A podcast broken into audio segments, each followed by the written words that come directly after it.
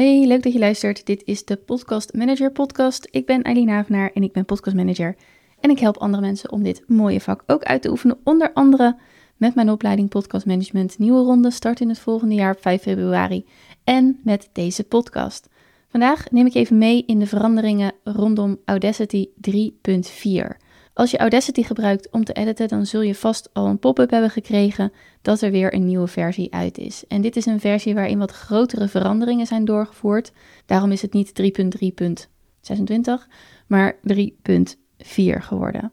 De grootste verandering in Audacity 3.4 heeft waarschijnlijk niet zoveel te maken met jouw werk als podcastmanager, tenzij je ook echt muziek produceert. Audacity heeft namelijk een hele set toegevoegd, een heel onderdeel van het programma waarin je muziek kan produceren. Als je tijd hebt om de 4 minuten video te kijken die Audacity hierover heeft gemaakt, zou ik het toch aanraden. Ik vond het echt reuze interessant en boeiend om te zien hoe dat geproduceerd wordt eigenlijk. Als je muziek maakt, leek het me er echt fantastisch uitzien. Dat is eigenlijk het grootste verschil met Audacity 3.3, de versies hiervoor. Waar je wel mee te maken zal krijgen is met het nieuwe exporteerscherm. Je hebt in Audacity, ik klik ondertussen even mee, dus dat hoor je waarschijnlijk wel. Kon je, uh, als je klaar was met je project, je had alles mooi geëdit, muziek stond ervoor, erachter, nou, je was helemaal klaar, dit werd de aflevering. Dan koos je voor bestand, exporteren en dan koos je voor mp3 of een WAV bestand. Maar het zal voornamelijk mp3's zijn, want die kun je vervolgens uploaden naar de podcast hosting. Nu zul je de knop audio exporteren moeten kiezen, want je hebt ook andere exporteren erbij gekregen. Je kiest dus als je klaar bent de knop bestand audio exporteren. En ik zie ook dat er een sneltoets is. Shift, Mac knopje, command en dan een E. Dus ik denk dat het op een Windows is Shift, Ctrl, E of Windows knopje E. Als je daarop klikt, dan krijg je een ander scherm dan dat je normaal gesproken zag. Normaal gesproken zag je eigenlijk een soort verkennerscherm of een finderscherm. En daarin kon je kiezen welke map uh, je wilde. Nu is dat net iets anders ingericht. Je ziet nog steeds wel de optie om de map te kiezen, maar daarvoor moet je rechts op de knop bladeren klikken. Dan zie je jouw hele mappenstructuur en dan kun je de juiste map kiezen om die aflevering naartoe te exporteren.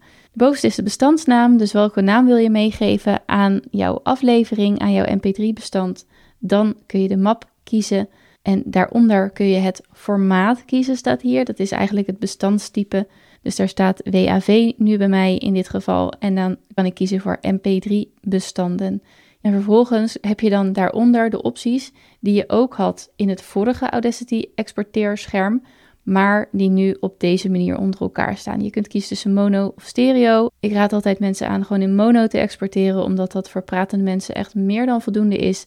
En de bestanden zijn een stuk kleiner, waardoor je ook je luisteraar helpt om niet te veel bandbreedte van zijn of haar of diens 5G-abonnement te gebruiken. Een kleiner bestand met dezelfde kwaliteit, met dezelfde luisterervaring is altijd fijner. Sample rate kan je op 44.100 laten staan. En dan heb je een bitrate modus. Ik zou altijd kiezen voor voorinstelling. En de kwaliteit laat ik altijd op standaard staan, omdat het ook meer dan voldoende is voor een podcastaflevering dan zie je daaronder iets nieuws en dat is bereik exporteren. Ik kan op dit moment alleen maar kiezen voor volledig project. Audacity werkt met projecten. Jouw Audacity bestanden, die dus alleen in Audacity geopend kunnen worden, die hebben ook de, na de punt hebben ze geen MP3 of WAV, maar dat heet een AUP3, een AUP3 bestand. Dat noemen ze een Audacity project. En hier vraagt hij, wil je het volledige project exporteren? Over het algemeen is dat zo, want dat betekent dat hij al je sporen meeneemt. Dat hij gewoon het hele, ja, je hele compositie pakt, je hele audio-schilderij en die gaat hij exporteren. De andere opties zijn meerdere bestanden. Not sure wat dat uh, gaat betekenen. En de derde optie is huidige selectie. En als die aanstaat, moet je even opletten. Want het zou kunnen zijn dat je een deel van een spoor nog hebt geselecteerd, omdat je daar nog aan bezig was. Of je hebt bijvoorbeeld alleen de intro-muziek geselecteerd, omdat het gewoon nog iets is waar je wat mee aan het doen was, waar je het volume bijvoorbeeld van aan het aanpassen was. Als je dat doet, dan exporteer je dus alleen dat kleine stukje van het project. Waar het wel handig voor zou kunnen zijn, is als je een bestand krijgt van je klant met twee sporen daarin. Dus ik krijg van een aantal klanten ook echt Audacity-bestanden opgestuurd, met soms daar meerdere sporen in. Wat ik dan vervolgens doe, is ik bewerk ze eerst een deel in Audacity dan haal ik per spreker haal ik de spoor er los uit als WAV-bestand en die gebruik ik dan verder in die script. Hier zou voor mij dus iets interessants kunnen zijn, omdat ik dan het spoor kan selecteren van bijvoorbeeld eh, de host die praat en dan vervolgens alleen die kan exporteren. Op dit moment doe ik dat door in het project zelf alle andere sporen op dempen te zetten en dan te exporteren. Dan pakt hij ook alleen het spoor wat jij op aan hebt staan, zo gezegd. Maar het zou kunnen zijn dat dit kleinere bestanden worden, omdat hij alles exporteert, alleen de andere tracks op stilstaan. Snap je wat ik bedoel? Dus dan, heb ik wel, dan hoor ik wel alleen de host praten en niet de gast. Maar hij heeft wel al die extra gegevens mee geëxporteerd, waardoor dat bestand groter is. Hier ga ik eens wat mee uitproberen. Maar dit zou een interessante ook voor jou kunnen zijn.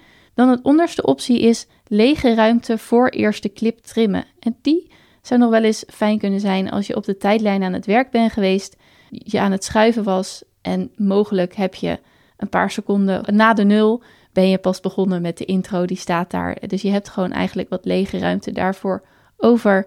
Die zou je natuurlijk alles op de juiste plek kunnen gaan schuiven door de intro naar nul te schuiven, dan de, de sprekers weer mee te schuiven. Maar als je denkt, nou ja, als Audacity dat voor je kan doen, dan is het fijn als je dit vinkje aanzet.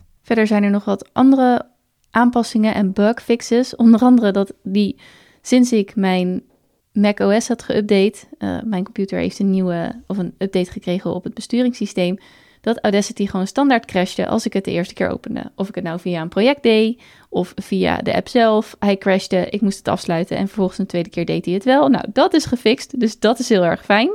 Dan als je gebruik maakte van het slepen, het non-destructive editing, dus het, ja, het uitrollen en weer terug inrollen van stukjes van de audio via het einde van die clips, dan heb je nu een ander cursortje wat je te zien krijgt. Een haakje open of een haakje sluiten met een streepje, waardoor je weet, ik ben nu op de plek dat als ik nu ga slepen, dat ik een deel van de audio knip eigenlijk, zonder dat je hem echt echt knipt, maar je haalt hem weg, je verbergt hem, laat ik het zo zeggen.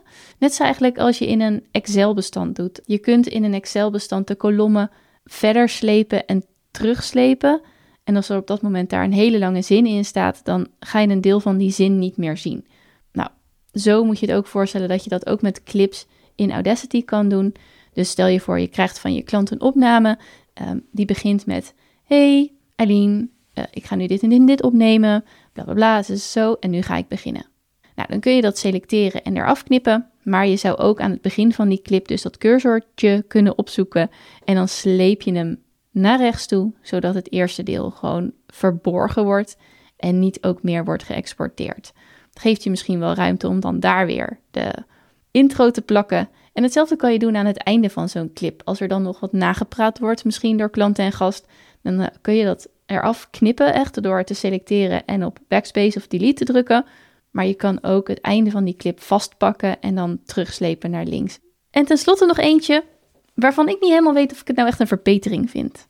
Dit is namelijk clicking on the border of two clips no longer merges them. En dat betekent dat als je een opname had die in twee delen is opgenomen, dus die zet je dan achter elkaar op hetzelfde spoor, want nou ja, die moeten natuurlijk aan elkaar geplakt worden. En je knipt dat mooi aan elkaar, je sleept dat mooi aan elkaar, dan ja, vond ik het altijd wel mooi als ik dan daartussenin klikte en dan die splitsing verdween. Dus dan werd het gewoon één lang audiospoor, waardoor de track gewoon één geheel werd. Dat kan dus niet meer.